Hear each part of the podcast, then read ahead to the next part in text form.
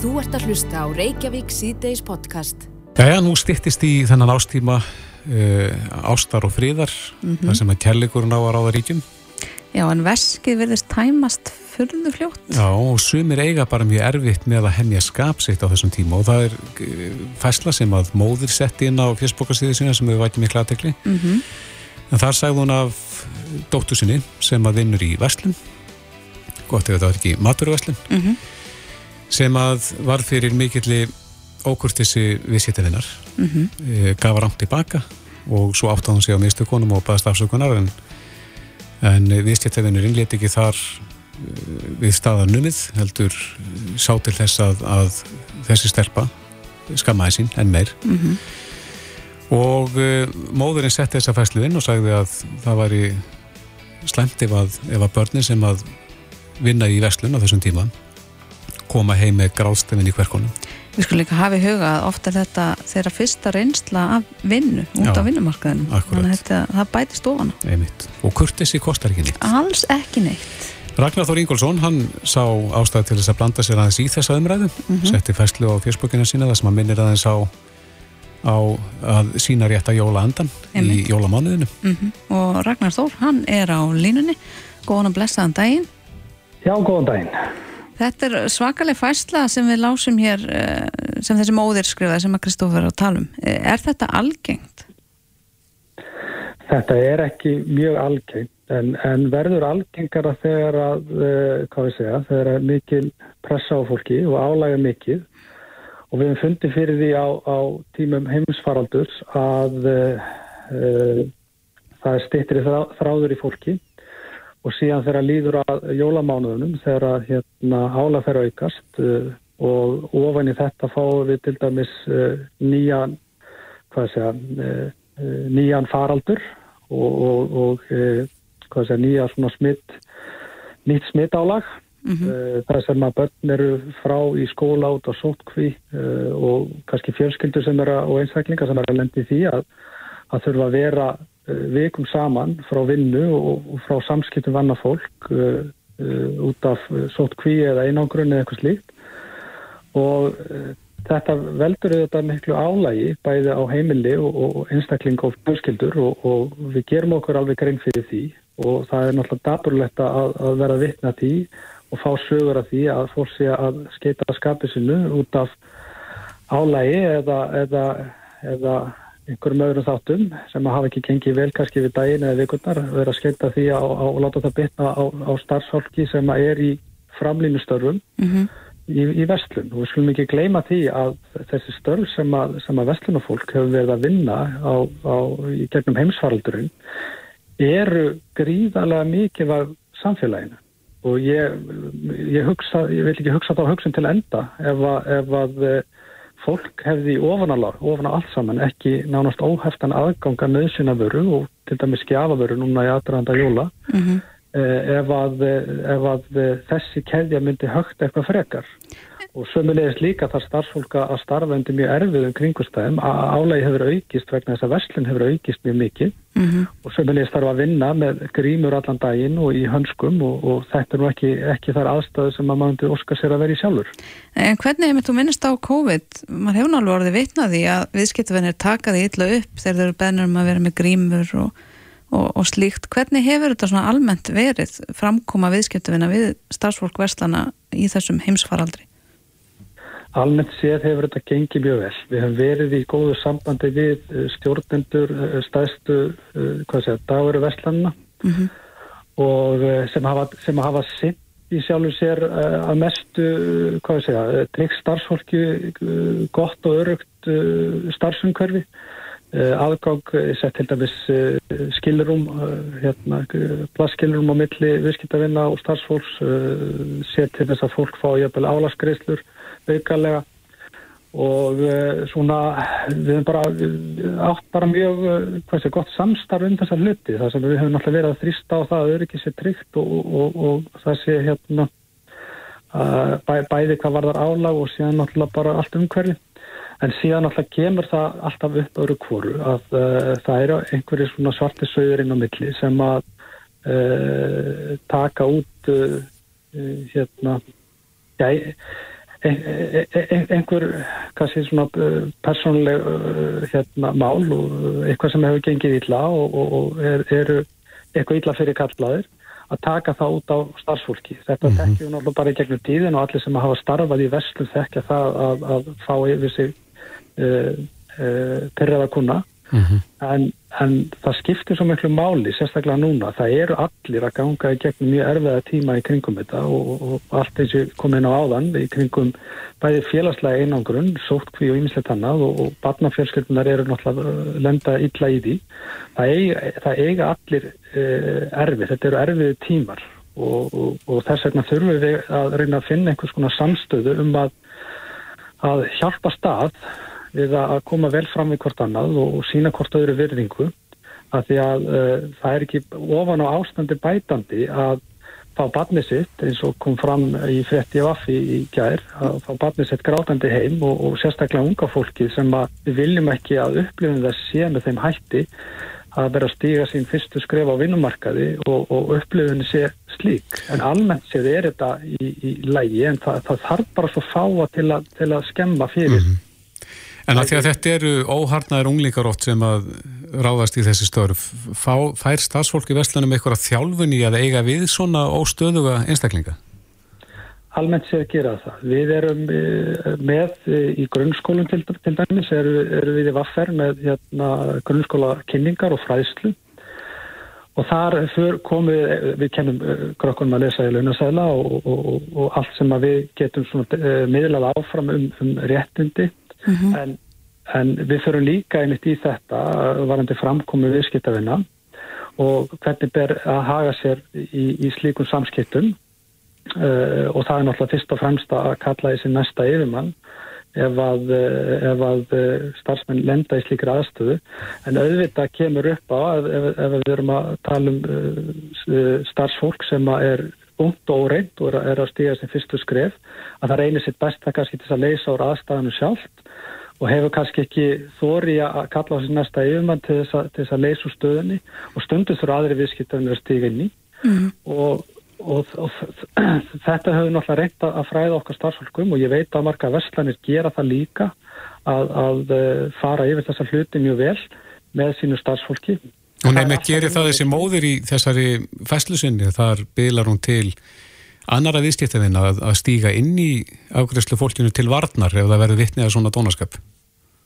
Já, auðvitað eigum við að, að standa með fólkinu okkar sem er búið að standa í, í uh, hérna, framverðarsveit, framlínunni fyrir okkur hinn til þess að tryggja okkur aðgang á nöðsynuverum mm -hmm. sem að við getum ekkert verið án til þess að halda samfélaginu gangandi og auðvitað eigum við að stíga inn í en samt eins og ég segi með uh, virðinguna vopni og, og svona uh, reyna bara að höfða til hvers annars að sína almenna kurtesi og koma vel fram við hvort annað, koma fram við náðungan eins og ætlumst til og viljum að koma fram við okkur. Það eru svona þessi gildi sem held ég að séu best að hafa með sér í farteskinu þegar, þegar að út, út er farið og sérstaklega ef það er eh, eitthvað sem bjátar á og, og, og, og eh, eins, eins, eins og ég nota alltaf þessa gullnu reglu mm -hmm.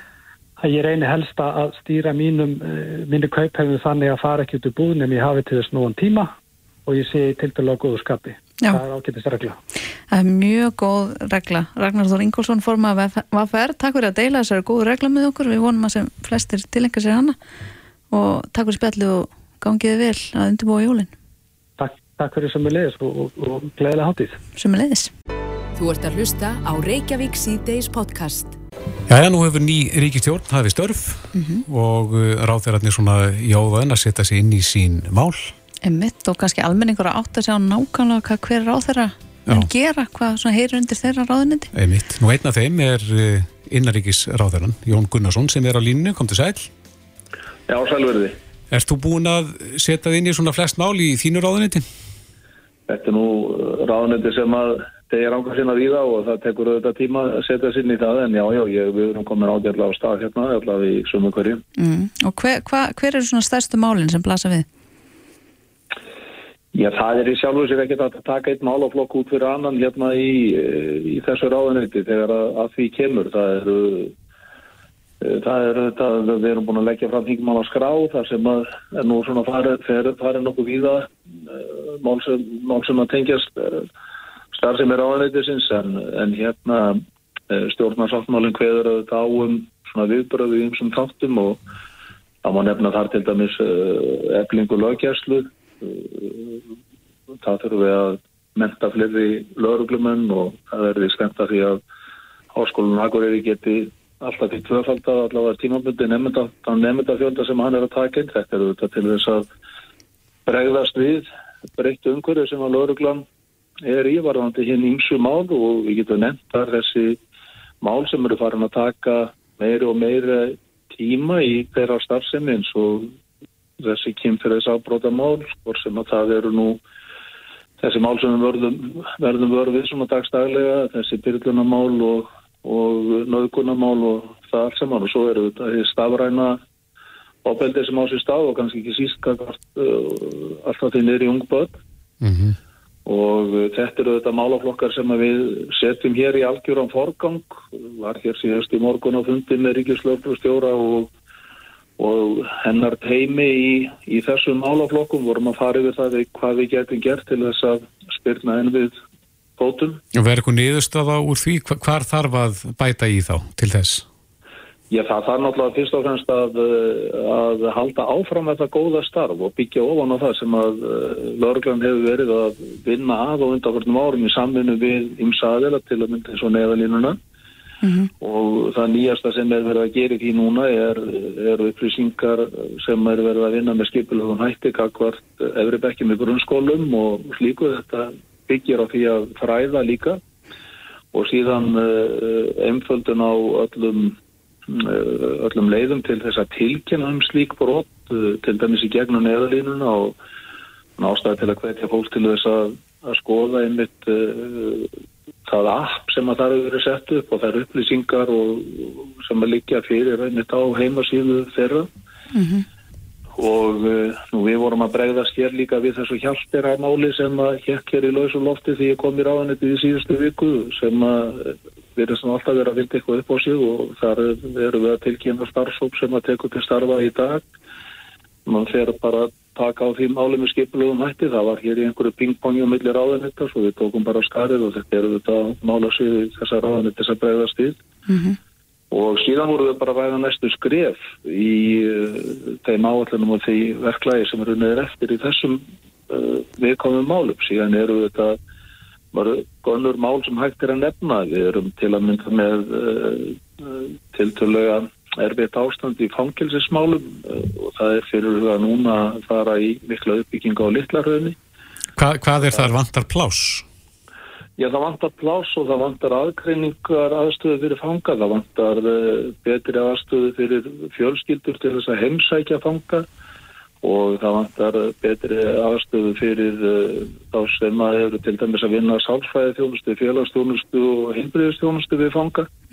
Þannig að það er, það er verið að bregðast í því og ég gerir mig vonur um að við það hefðist bara mjög fljóklega á næsta ári.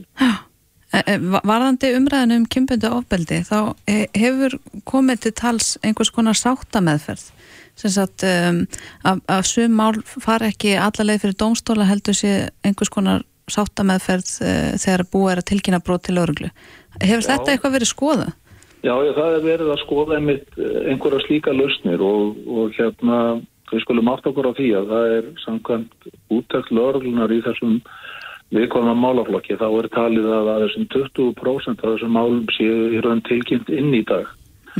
Og uh, það þarf auðvitað að auka tröst uh, þeirra sem að standa fram með fyrir slíkum málum, brotaþóla og, og annara að, að hérna einfalda kannski leiðir þeirra til þess að að tilkynna þetta inn og með auknu viðbræði og auknu trösti á því kerfi sem að tekur við þessum málum að þá gerum við ráð fyrir því að það muni fjölga mjög uh, brotum sem verða tilkynnt inn til lörglunar og þá þarf þetta að fylgja því eftir með fjármagni til þess að hún geti þá bröðist við og málahalli verði ekki eða málsmeðfra tíminn verði ekki allt og langur. Og það hefur verið kakrínt og, og það er réttmætt kakrínu og, og við verðum að vinna reyna að vinna okkur út úr því með einhverjum hætti á, á næstu missurum. Já, en Jón, þú ert líka yfirmaður landeldistjæslunar og uh, það er nú löngu verið kallað eftir styrkingu þar líka?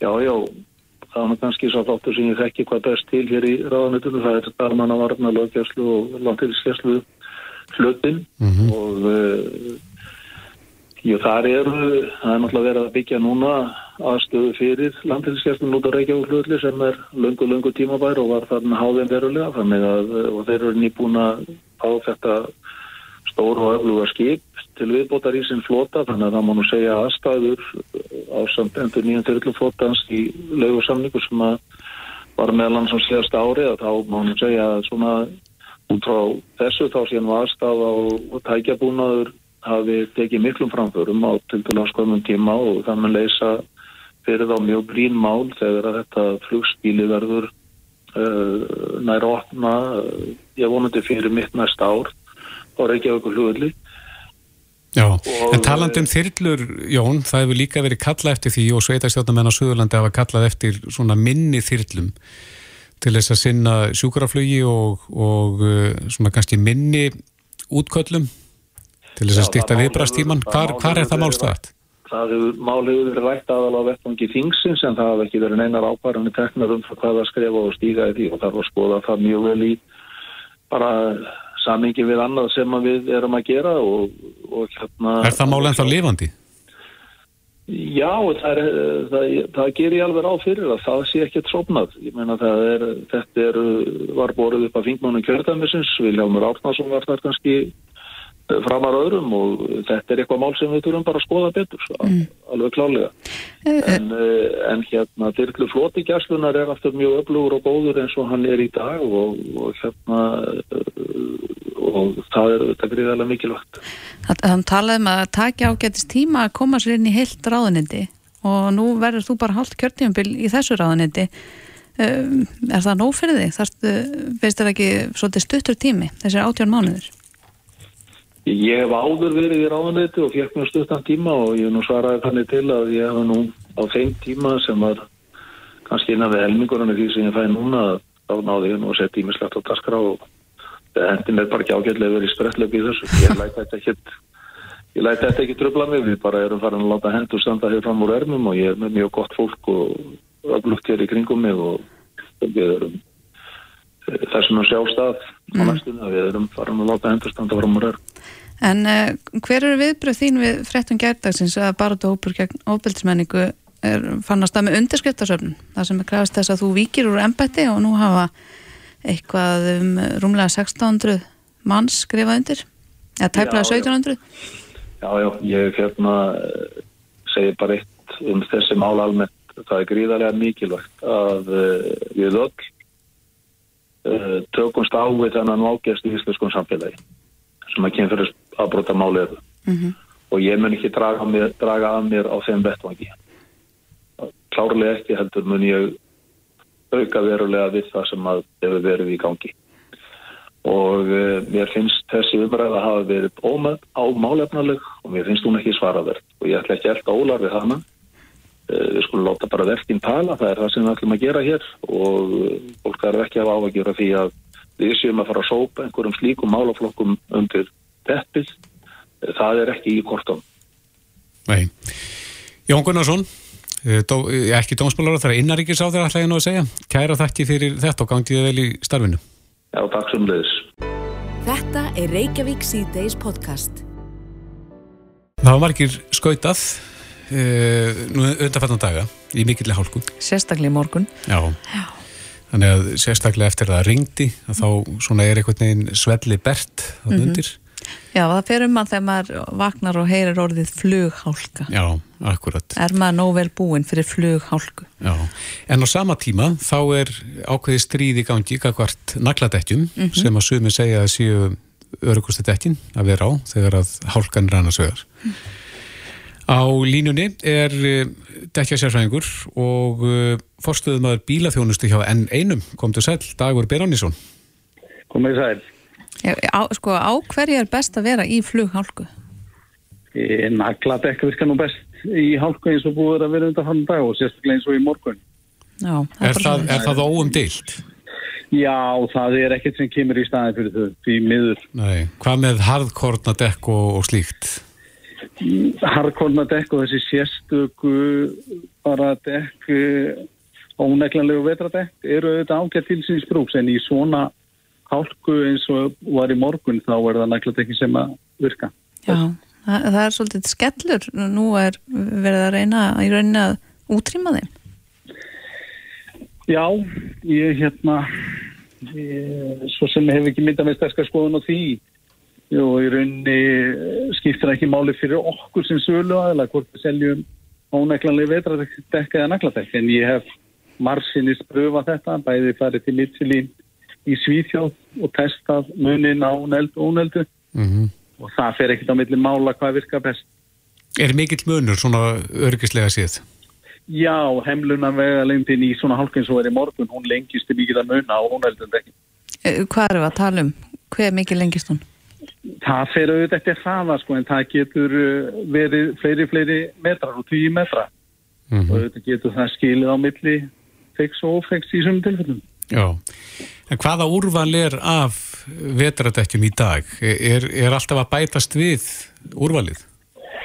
Já, við allavega hjá enn einu, við svona höldum okkur við svona þessi betri merki eins og Mitsilín, Cooper. En svona í gerðum harðkorna, skellja og uh, grófmunstruð og slíkt. Er, er mikið úrvalið því? Já, já, já, en það er kannski ekki endilega þetta grómunstraði sem virkar best í hálku, alls ekki. En þróunin auðvitað bæði í neldum og ónæglanlegum vetradekkjum er, er gríðaleg. Hmm. Og Mitsilín leggur alveg gríðalega mikla peninga og vinnu í að prófa það áfram. Er er þá einhver lausn í sjónmáli ef við viljum losa okkur við nagladekkin einhver tíman í framtíðinni?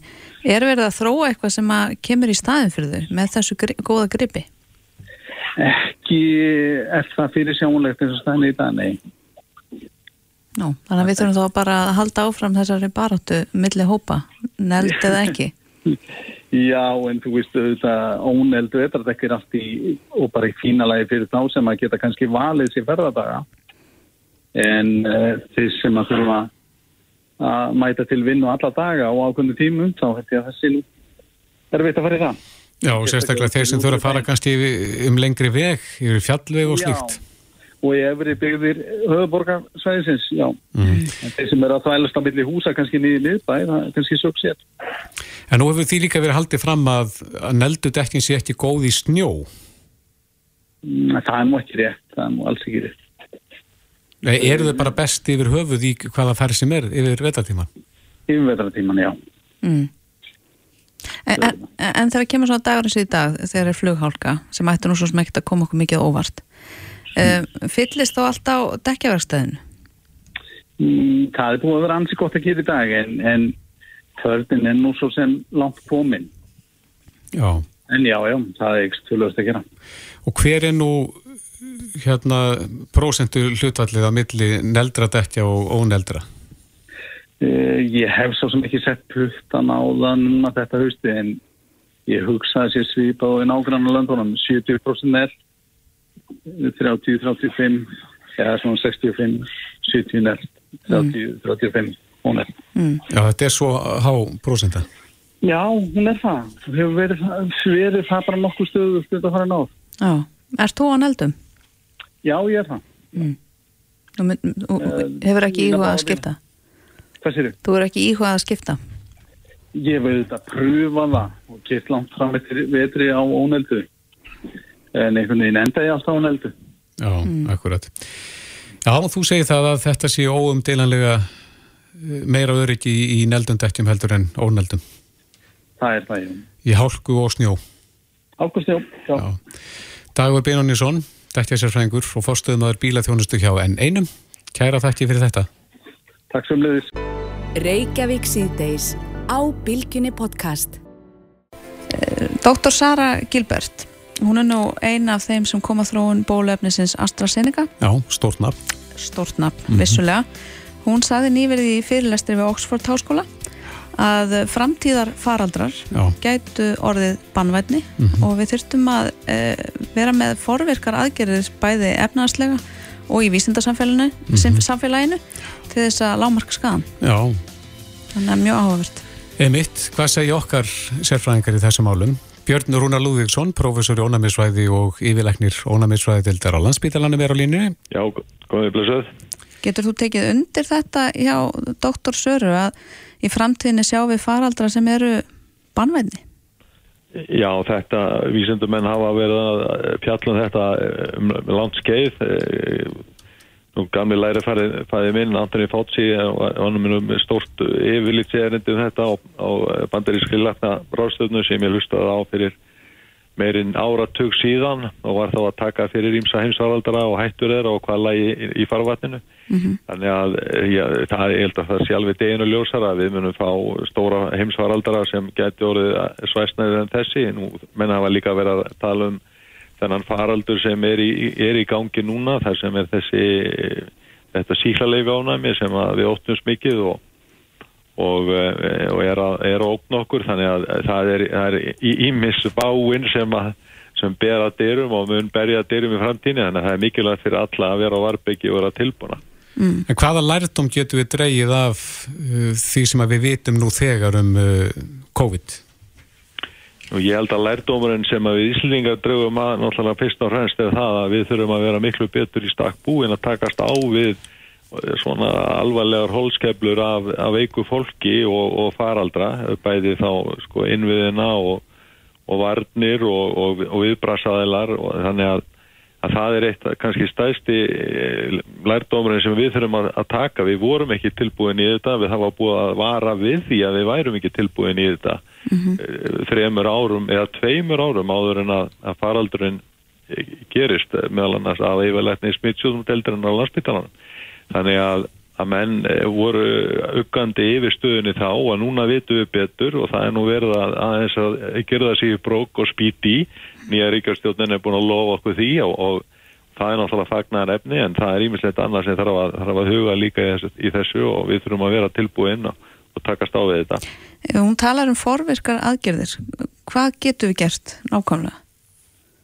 Já, það sem við þurfum alltaf að gera er að passa það að, að innviðinir, það er að segja helbriðstofnunum að séu stakkbúnar að taka á taka við e, óvæntum áföllum og, og séu ekki alltaf við fullar af, af bráðvíku fólki. Þannig að það séu alltaf bara fyrir báru. Það er fyrsta, hins vegar það að, að við það séu til þá viðbrasáallanir hjá e, eins og hjá þeim sem að um þetta snúði eins og sóþáðalækni og, og, og almanna kerfinu öllu hvað á að gera við þegar að svona vákistur bera dyrum. Og ég held að í dag eru við það við erum að þessi viðbrasaðlar okkar er aldrei búin að sína það og sanna að, að það er í lægi núna. En hins vegar kannski voru þeir ekki þegar faraldurum byrjaði Þannig að við þurfum að vera bara tilbúin til þess að, að takast á við þetta í, í, þegar þetta kemur og þegar, og þegar að næsti faraldur geysar á okkur. Vorandi fáum við smá pásu núna, ég held að við séum bara búin að fá yfir, yfir sér sötta af þessu og, og, og mér sýnist nú öllu að, að bæði að þessi bólusetningar áttak og, og svona sótvarnir og annað hafi skila mjög góðum árangri og við erum að fá líf núna fyrir þessum.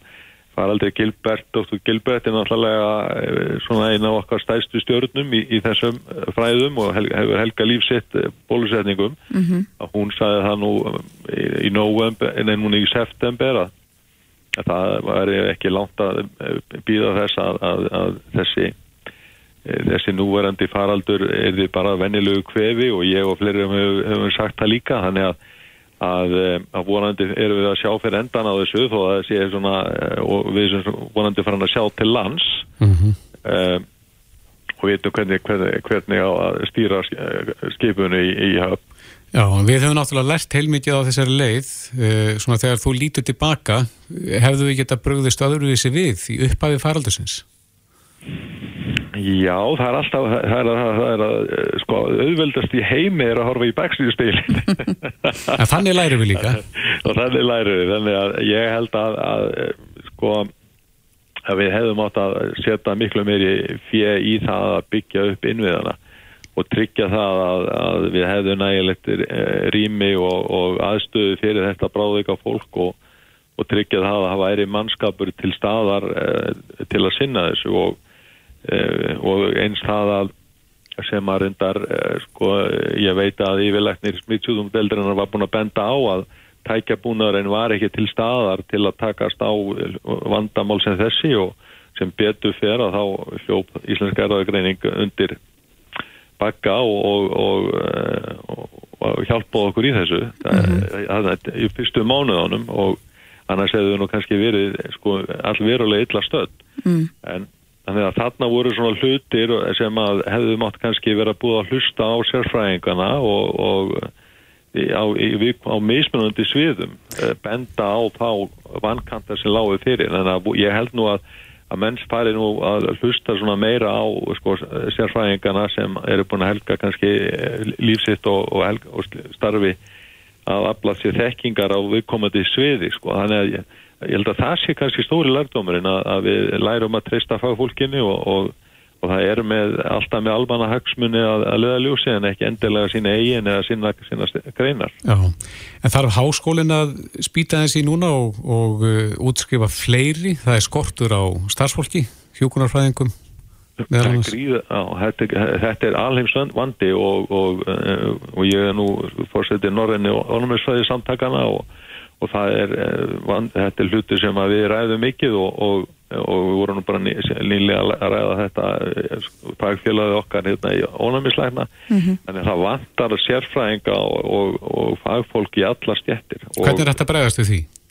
Við þurfum að eh, bæði það að reyna að auka við útskriftin en það dögar hverki til, sko, það, það er ekki nóg. Það, við held að við þurfum líka að fara að endur hugsa svo litið hvernig við veitum þjónustuna og, eh, og svona, kannski reyna að notfara okkur meira rafræna lausnir og yfirleitt annað í þeim efnum. En, en ég held að, að þetta þurfum við svolítið svona aðkomi margra að því að endur hugsa það hvernig við, við höldum topp heilbriði og þeirri góðu helbiðstjónustu sem við Íslingar erum jú að fá, það má ekki gleyma því við erum að fá svakala góða helbiðstjónustu mm. sem að stennst samabölu við það besta sem gerir stelðis. Já, þú segir að sko þegar næsti faraldur kemur, ekki ef, en við getum náttúrulega ekki vita hvernig það gerist, er ekki mikilvægt að, að, að fólk allavega hér á Íslandi fari bara bráðum að setjast niður, þannig að þessi þekking af COVID tapst ekki?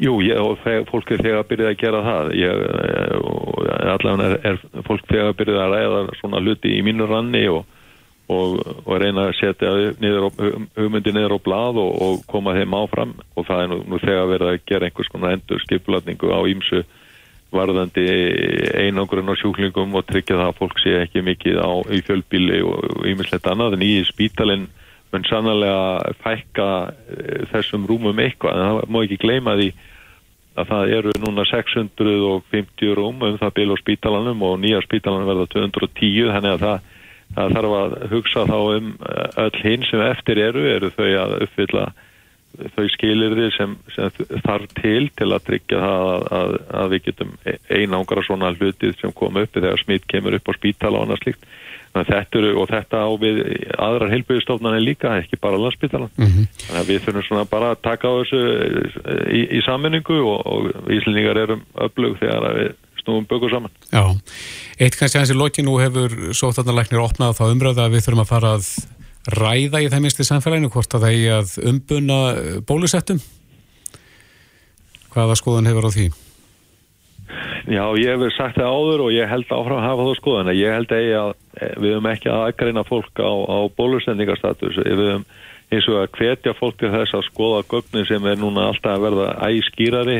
Nú nýlega var Tóra Aspilund að taka saman mjög sláandi eh, tölur bara hérna innanlands. Við sína það algjörlega ótvírætt hvað eh, örfunarskampturinn hefur, það er margkvöld minni tíðni af innlögnum af, af, af þeim jafnvel með við bólusetta sem eru líka tölvitt minni hlutfall af þeim sem eru óbólusettir. Þannig að við þurfum alltaf fyrst og næst að tryggja það að allir hafa aðgang á bóluefninu og gerir sér grein fyrir því að þeir geti farið að láta bólusittja sig þeim á kostnaða lausu og, og, og það standi öllum til bóða. Ég held að það sé svolítið kannski e, vandin hjá okkur núna að það eru kannski svona ákveðni jáðar hópar í samfélaginu okkar sem að gera sér ekki alveg fyllilega grein fyrir mikilvægi og, og þess að láta bólusittja sig og svo hins vegar að, að, þau, að þetta standi öllum til bóða en ég held að þar, það er áskorðunin og, mm -hmm. og það að halda uppi samræðunni en við höfum ekki að fara aðgreina fólk á, á því en þess að það eru sumir og ekki gleyma því að það eru sumir sem get ekki látið bólusetja sig út af undirlíkjandi sjúkdómum eða eða hafa svo mikið ónæmi eða óþólka hvað þeim efnum sem eru bólaöfnum að þeir, þeir þóla ekki. En þetta er náttúrulega mjög lítill hópur en enga síður er þetta örfóður þannig að við ég, Gæti hann ekki haft uppáskrift um það þá? Það væri náttúrulega alveg möguleiki en, en ég held En þú tilur ekki, ekki ástæð til þess að slaka á sóttana kröfum þeirra sem eru ornir full bólusettir með þriða skamtinn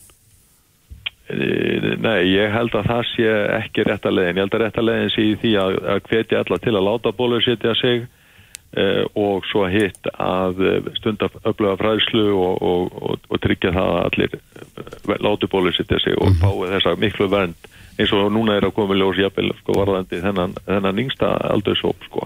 mm. þannig, að, þannig að árangurinn af bólusendingunum er algjörlega ótýrðar Einmitt það. Björn Rúnar Lúíksson professor í ónumisfræði Takk helga fyrir spjalli í dag og hafa það gott. Takk sem leiðis Reykjavík síðdeis á Bilginni podcast. Það hefur mikið verið rætt um dýravelferð undanfarið, um, þá sérstaklega í ljósið þessar heimildarmyndar um uh, blóðmerahald.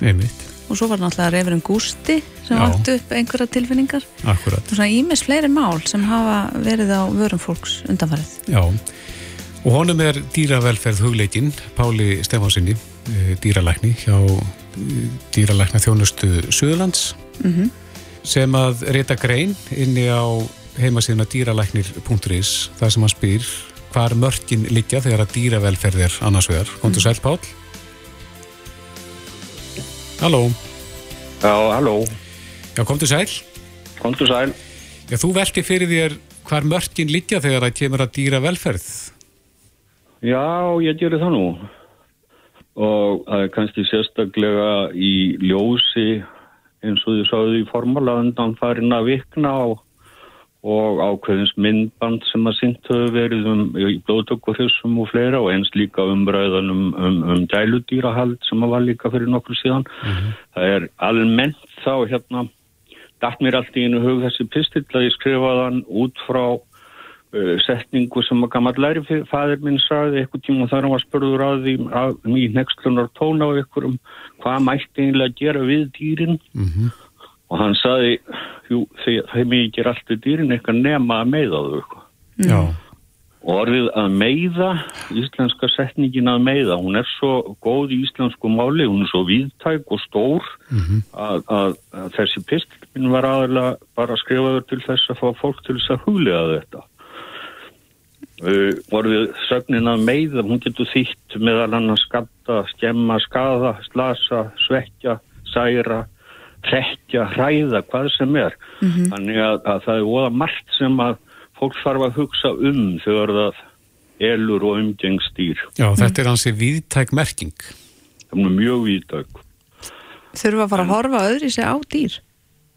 Já, það er eiginlega það sem að kannski þarf að, það kannski að horfa á þetta svolítið í, í stærra samhengi líka mm -hmm. til hvers erum við með dýr, til hvers ölum við dýr okkur þykir væntum dýr og, og við eigum þá heldur ekki að meða þau. Nei, en þú tala líka þarna um uh, ræktanir á hundum og köttum. Já, já, í setni, í svona, í setni tíð þá hefur mér, það er svo sem búið að rækta afbreyðuleg hundakinn í gegnum ár, ára 2 og ár hundruð Uh, en hundum er almennt að fjölga mikið í heiminum og það eru til ákveðnar hundategundir sem eiga í, í líffæralegum vandræðum með sig sögum vannskapana en, en, en fólki finnst þetta samt flott, það hugsa kannski ekki beint út í það við gerum svo margt okkur, okkur til þókta eins og ég kalla mm -hmm. af því að okkur þykir það hérna, töff og allt slíkt en en mörgum að þessum dýrum líður ekkit allt og vel, e, sérstaklega uh, dýr sem eru með orðin svo vansköpuð öndunar, efri öndunarfæri að þau er erfitt með súrefnismettun, þetta er nú bara svona eitt af dæmunum. Myndur þú fella þetta undir að meiða dýrin, svona ef við notum þá merkingu? Ég er, ég, sko, að því ég er að segja líka, þetta er náttúrulega búið að stunda þetta í ára 20 árhundruð. Mm -hmm. Við þurfum að hugsa út í það. Hversu mm -hmm. langt göngum við í þessum hlutum? Uh, það er meiri sér rektaður kattategundar sem eru hárlausar orðnar eða og það eru til uh, töluvert orðið af hundum sem eru með svo uh, mikla húða, hún myndi duga tvöföldið að þreföld utan um líkamann Mm. og, og leggst í fellingar og veldur húðvandamálum og fleir og fleiru. Mhm. Uh, Það má líka segja sem svo, kannski erum við stundum líka að gera of vel við dýrin okkar sem eru of alinn, verða of feit og, og fá hérna sjúkdóma í kjölfarið. En, en já, þetta er svona bara, eins og ég segi, þetta er svona sjálfsagt sér fólki að huglega margt í sambandi við þetta. Einmitt, þetta er svolítið góð spurning fyrir þá sem að eiga gældir. Af hverju er ég að ala þetta dýr hér á heimilinu? Er þetta eitthvað sem þú spyrð fólk að reglulega í þínu starfi?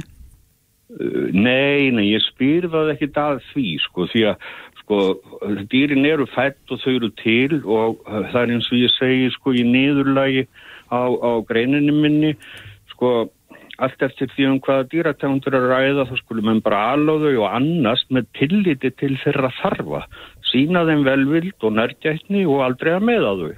Mm Erum við ofljóta að fá okkur dýrin á heimili? Hugsaum við okkur kannski ekki alveg nógu vel um?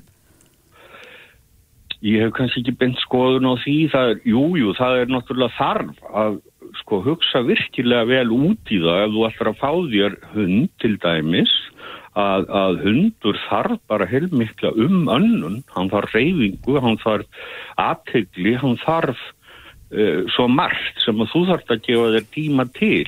Já. Þannig að, að þetta er bara grundallar spurning að fólk hugsa sér virkilega vel um til áður en það fær sér gæludýr. Það er alveg sama hvað það er. Það eru hross og það eru uh, ekkert bara gæludýr heldur eins í, eins í hrossum og, og, og fleiru. Mm En ertu sammála því að, að við erum svona alltaf að verða betur og betri þegar það kemur að dýrunum? Það er að segja aukin réttindi og, og, og hugsu við betur um dýri núna heldur en við gerðum til dæmis fyrir einhverjum árum með ára tögum? Já, dróttum minn dýri, það hefur náttúrulega hafa átt sér alveg stað stakkarskipti í því og, og Ísland má segja náttúrulega afskaplega framarlegi heiminum sérstaklega í, í dýrahaldi í atvinnustíðinni út frá öllum aðbúnaðareglugjörðum og slíku þá er það náttúrulega bara alveg stórkostlegt hvað, hvað það er margt, margt, hvað það er margt gott. Mm og, og alveg sama um, um gæludýrahaldið fólk sko 90 og eitthvað prósent af fólki hugsaður alveg sérlega vel um dýrin sín og það er bara gjöfult og, og, og fallegt. En reynir við að gera meira núna í dag heldur náðu til að að bjarga dýrunum? Það er að það var mjög algengt þegar að dýr voru veik eða slösu þegar á, áður fyrir að þá voru þau bara felt, það var ekkert annað í stöðinni. Já, já, já, já, það er margvart, margt, það er svo mikið margt fleira gert í dag og það er, það er í raun og veru í mörg, mjög mörgum tilfellum sem það er reynd að gera allt með hátækni búnaði, öndunarvélum og hverju sem er líka. Mm. Þannig að, að, að í gæludýrahaldi er þetta alveg stórkostlega breyting frá fyrir tíð. En, en, Og ég, ég byrjaði allavega. Já, ég er bara að spá hvort það sé fyrir okkur eða fyrir dýrin, erum við að halda þeim á lífi fyrir okkur eða þau? Uh, Nei, sko, þar kemur náttúrulega akkurat þessi siðferði spurning stundum svona alveg undir það síðasta að, að, að hvar, hvar, hvernar á að hætta? Og, og það er náttúrulega sko sem betur fer stund gerur dýrleiknar lang, lang flestir með þá kunnáttu og hæfileika að reyna að leiða fólki það í ljós að nú sé kannski nóg komið og þá oftast nær þarf fólk kannski bara smá umhugsunar frest til þess að hugsa sig um og síðan tekur það ákvörðinun um að leifa því að fara. Mm Akkurat. Já, þetta er umhugsunar virði og það má lesa þessa grein þín á hugleðingarinni á dýralæknir.is Pál Stefansson hjá Dýralæknar þjónastu Suðurlands. Kæra þakki fyrir spjallið. Já, takk sem lögð. Þú hlustar á okkur, við hlustum á þig. Reykjavík síðdeis á bylgjunni. Viltu fá verð í tryggingarnar? Á tm.is færðu ráðgjöf og verð í þínar tryggingar. Engir tölvupóstar eða síntal. TM. Hugsum í framtíð. Hér er jólagjafaleit smáralindar. Þú finnur gjöfina fyrir fólkið þitt á smáralind.is.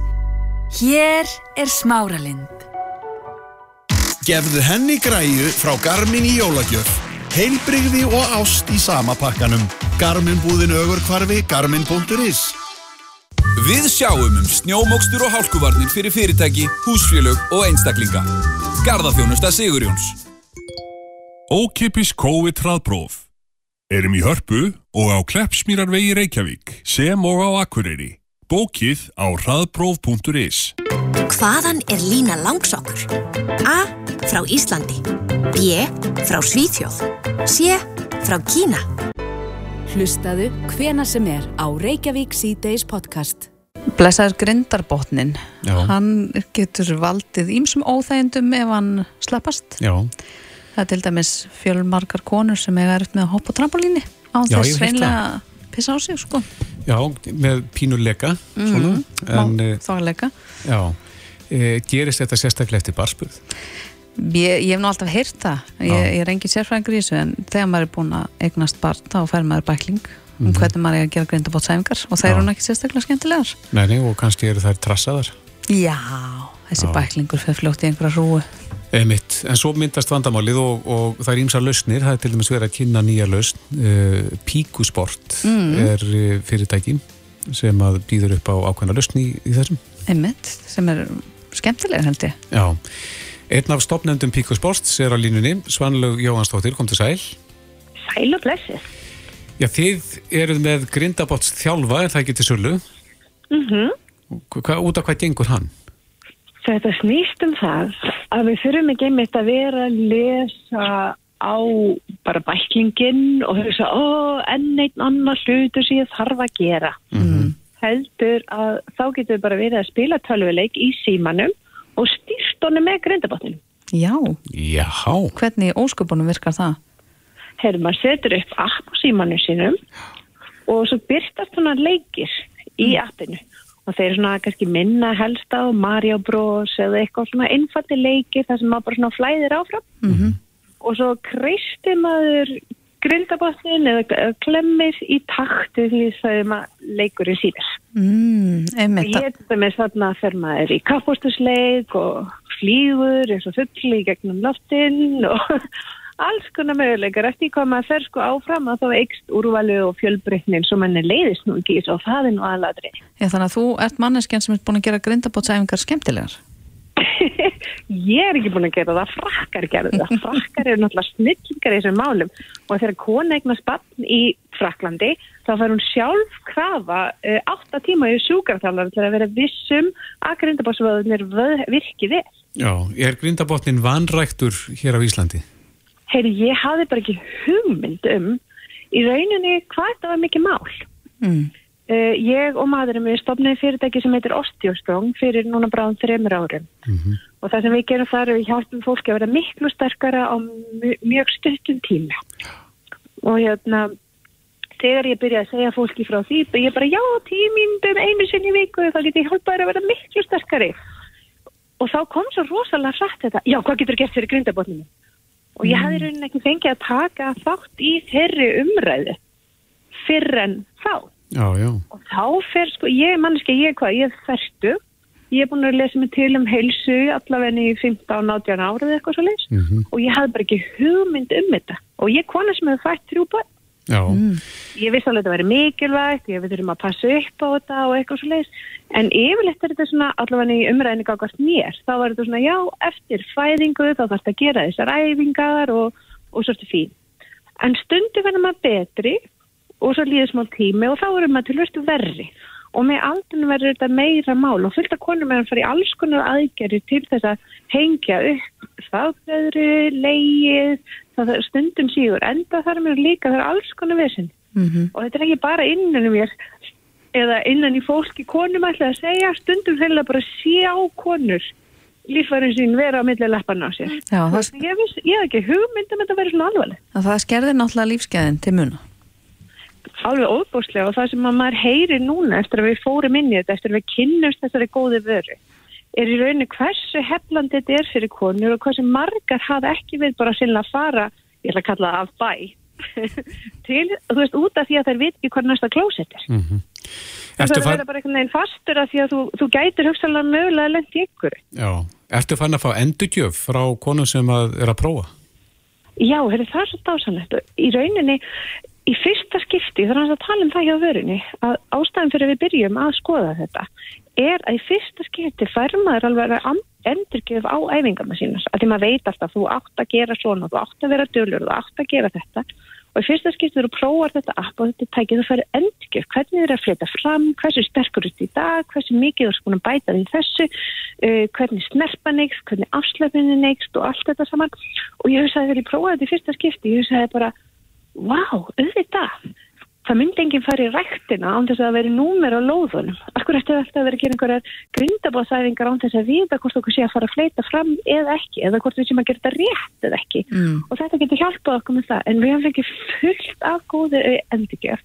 Og, og það er náttúrulega með þaðlegan, það er náttúrulega það sem er kannski svona hraðast og mest ákallandi en svo er líka bara tilfinningin fyrir skroknum sínum og unaður í kynlífi og meirinn á með makanum sínum og alls konar hluti sem fara einhvern veginn bara að virka betur án þess að maður beitt tæk eftir því að það væri orðið vandamann. Mm. Það finnst mér svo áhugast að það kemur líka. Einmitt, það er náttúrulega lítið eins og við erum búin að tala um, lítið ræ- rætt um grindabótnin en uh, þessi tölvuleikur eða app og þessi þjálfi hvað á maður að gera þetta oft? Er, er, er, er þú að Ert þú í tölvuleik alla daga? Svona, já, svona gaman hjá mér.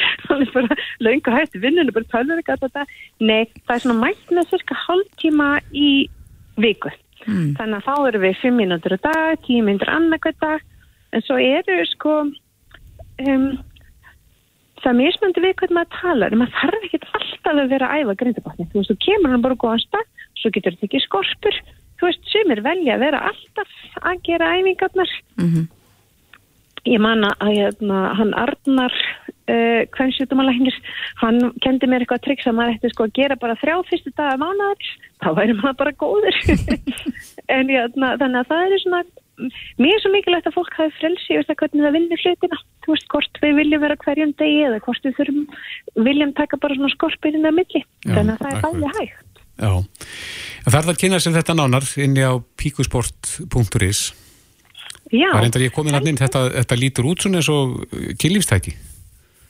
Eh, Þetta er náttúrulega í læginu eins og laugungin og það eru þar sem að þú veist, grindabóttin eiga heima þannig í kring. Já. Þannig að þetta, fer, þetta er svona stautur sem að setur inn í laugungin, það tengist með bluetooth við síman og þannig getur maður þess að þannig getur reyni stauturinn fundið hvort þú sérst að nota bara grindabótsvöðuna eða hvort þú sérst einhvern veginn að rempast vittlust og nota einhverja vittljósöðaða. Já. Þannig að það eru tvær kúlur þarna með tveimur nemum til þess að komast að því, erum við að gera þetta, erum við að nota einhverja vöðva sem það ættum ekki að vera að nota. Mm. Já, ég hvet allar áhuga sama konur að fara á píkosport.is og vil hrósa þér sérstaklega og manninu þínu fyrir þetta skemmtilega nafn. Já, fyrir, við komumst að því að það er ekkit, ro- þú veist, að þú tala við einhvern og segir, eigum við að ræða um þvægleika, þá vil lengi tala við, að þú tala við einhvern og segir, hvað finnst þér um grindabósvöðva æfingar, þú veist, en þegar fólk, eða þegar við segjum píkosport.is, að þá fara allir að hlæja, að verða pínliti vandræðilegir og að því maður er búin að hlæja og vera vandræðilegur, þá er ekkit máli að halda bara áfram að tala um hluti sem skipta máli og eru bara háalvarlegir. Nákvæmlega. Svanlaug Jóhansdóttir, einn eigenda og stopnenda Píkusports. Kæra þakki fyrir spjallið. Takk Reykjavík síðdeis á bylginni. Nú hefur Þórólfur Guðnarsson, sóttatalæknir, opnað á þá umræðu eða hann reynda kallar eftir þeirri umræðu uh, hvort að það eigi að umbuna þeim sem eru bólusettir slaka á sóttatnakröfum þegar það kemur að þeim Mm -hmm. og menn hafa mótmælt þessu og, og líkt þessu jafnvel við eh, sko eh, merkingu á gýðingum í setni heimstyröldinni Nei, mitt, þetta er mjög umdelt og Já. vissulega siðferðslega spurning sem við þurfum, við þurfum að taka þessu umræði. Já, einn af þeim sem að skrifa um þetta mál er Benedikt Lafleur sem að skrifa grein í morgunblæðið í dag. Komdu sæl Benedikt? Já, sæl. Já, já, þú varar við því að fólk sér dreigið svona í dilka.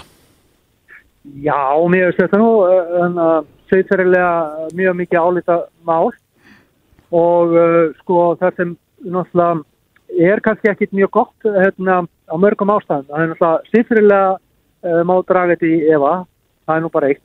Svo er annað að um, náttúrulega ekkit gott uh, fyrir okkar samfélag, við, búum, við erum ekki mjög mörg sem búum hérna uh, á Íslandi Mhm. að uh, vera að uh, draga fólk í dilka og hérna til dæmis uh, getur þetta bitna mjög hart á börnum og, og hérna það eru nú náttúrulega þeir sem eru full bólusettir eru í miklu meira hluta. Mhm. þannig að það er náttúrulega getur orðið sterk samstæða meðal þeirra um að, að, að það er bara að bólusetja alla og alltaf, en það er alveg skipt á skoðanur um, um það uh, meðal þeirra uh, sem eru full bólusettir. Og ég allir með bara bæði vinir sem eru bólusettir og óbólusettir og, og hérna og það er okkur er ekki hug að vera uh, sagt um, uh, vera eitthvað að gaggreina sagt, uh, eða, eða sagt, gera lítið úr ákvarðun hvers og eins hvað þau hefur gert og, og slíkt. Og það eru margir sem, sem hann að velta þessu mjög mikið fyrir sér sko hérna, hvaða áhrif það hafði að, að, að sem sagt, nánast skilda fólk til að bólusetja sig sagt, með þessum hætti sem það er gert vegna þess að Uh, við, við sáum að, að, að maður svona mjög mjög eðlilegt, ég held að það hefði verið bara eðlustur hlutur í heimi, að þegar fólk fekk bólusetningu í kjölfari þá, þá hérna, var það kerrulausara í, í hérna, forvörnum. Því að það náttúrulega trúði því að það hérna, uh, fengi hérna 90% vörn. Mm. og hérna fyrst sko, miskusti og hérna og þannig er mjög eðlilegt að fólk skildi vera kerrulausara og hérna og það er held ég svolítið varavert því að þarna, við hljóta að vera sammála um að við viljum uh, sportna gegn hérna útbreystu veirunar og þá þá er það gildi held ég fyrst og næst forvarnar, þær, gild, þær eru mikilvægastar mm Mhm. í, hérna, í þeirri vörna að mínum að því en, uh, En það er líka annað að fólk er líka en að sérfræðingar hafa verið að skipta um skoðun alveg frá upp að þess að fara og það er náttúrulega líka og, og, og rannsóknir er að sína veist, uh, ymsa hluti veist, það eru, það eru að sína ólíka líðustu Hva, hvaða sérfræðingar hafa skipt um skoðun?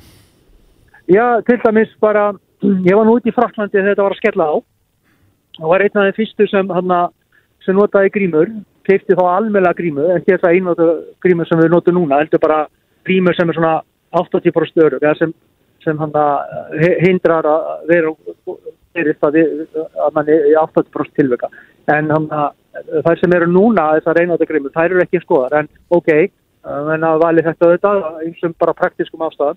En þegar ég var í Fraklandi þá sem þetta var að í stóttvaldarlækni Fraklands og allir helstu sérfræðingar og líka þóróru á sama tíma um að þessar grímur sem enn voru að nota gæti nanna, sem sagt veitt falskt öryggi og, og ástæðan, uh, það voru semst ein ástæðan var svo að, að þegar hana, fólk er að nota þessar grímur þá kannski getur ekki alltaf verið með þær upp að vitum sér og dregur þær mest nýður einhverju tímapunkti bara óavitandi eða óviljandi eða hvað sem er.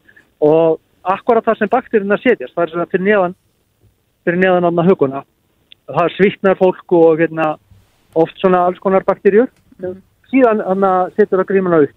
Og þetta ser maður núna sko, Mhm. oft og tíðin í vestlunum hana. Þetta voru menn að vara við að það veri bara betra að, að, að, að nota enga grím En, en, Be- en, Benedikt, en Benedikt en nú er með skiptum sko. Nú er verið svona að vísa í þessa grein sem þú skrifar í mokkan og DF er búið að skrifa upp úr, úr henni.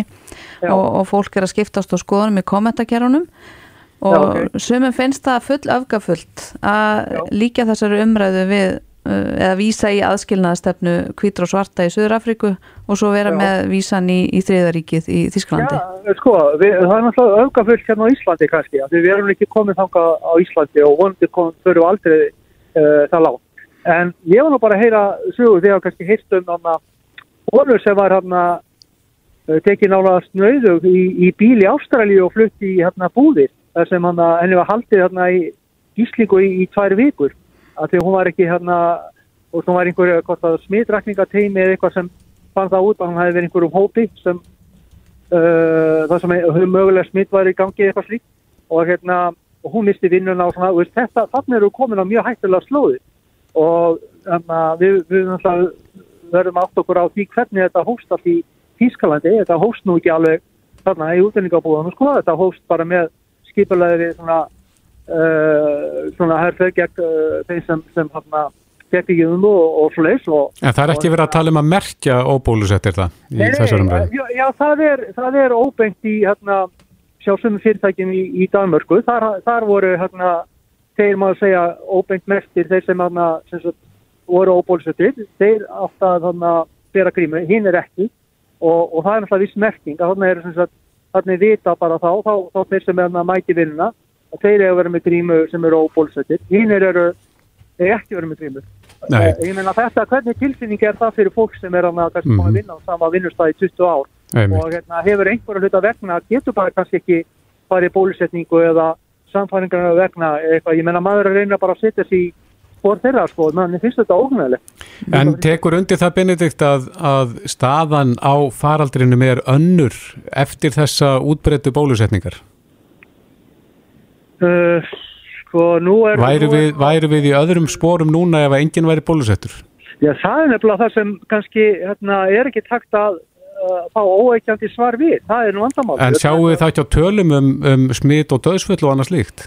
Jó, manni finnst þetta líklegt, ég, ég sjálfur, mér, mér finnst þannig að sko, hérna, alveg pottið að, að, að þessar bólstýringar hafa öruglega komið vekk fyrir, vekk fyrir einhver döðsfell og, og mér finnst mjög líklegt að, að þarna, og það rannsóknir bara sína það sem eru nokkuð halbarar að ennindis að, að, uh, að það er sem sagt, komið vekk fyrir alveglega alvarlegar, sem sagt, alvarleg veikindi og, og, og hérna, einlagnir og sjúkurhús og, og að, að þýleitinu að þýleitinu sem uh, uh, kannski dragur líka því álægi sem það, það sem gerðist náttúrulega allir eins og í Fraklandi þegar ég var þarna, það var, að, það, það var ekki hana, yfirvöld sjálf sem var að kalla eftir uh, auknum, auknum hvað maður segja au- aukinni vörn, það var fyrst og reynst laknar og, og vegna þess að það var bara, Mhm. þau voru að kekna undir Einmitt. Við verðum að setja punktin hér, Benedikt. Takk Já, fyrir spjallið. Gangið vel. Já, þá hefur við það. En uh, við komumst ekki lengra að sinni. Við ætlum að skipta yfir og fréttastofuna hér eftir skamma stund. Lilja Katrín, Bræi og Kristófi þakka fyrir sig. Verðum hér aftur klukkan fjögur á morgun og við vonum að þið indislegt kvöld. Þetta er Reykjavík C-Days podcast.